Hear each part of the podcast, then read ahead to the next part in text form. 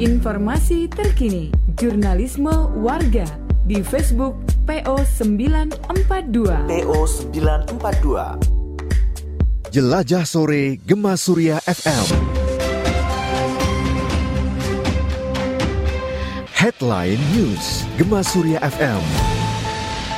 Kementerian Pemuda dan Olahraga Kemenpora melalui Sesmenpora Gadot S. Dewa Broto memastikan pemerintah menjamin berapapun biaya yang dibutuhkan PSSI untuk menggelar pemusatan latihan. Gadot menjelaskan pemerintah bakal mendukung langkah persiapan yang diambil oleh Timnas Indonesia U19 demi upaya meraih prestasi terbaik di Piala Dunia U20 tahun 2021 mendatang.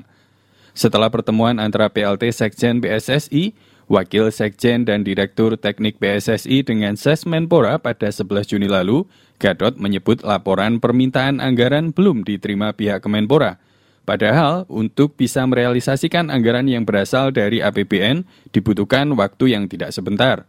Setelah permohonan anggaran diterima, pejabat membuat komitmen atau PPK di Kemenpora akan melakukan review anggaran sebelum diputuskan jumlah anggaran yang akan disetujui.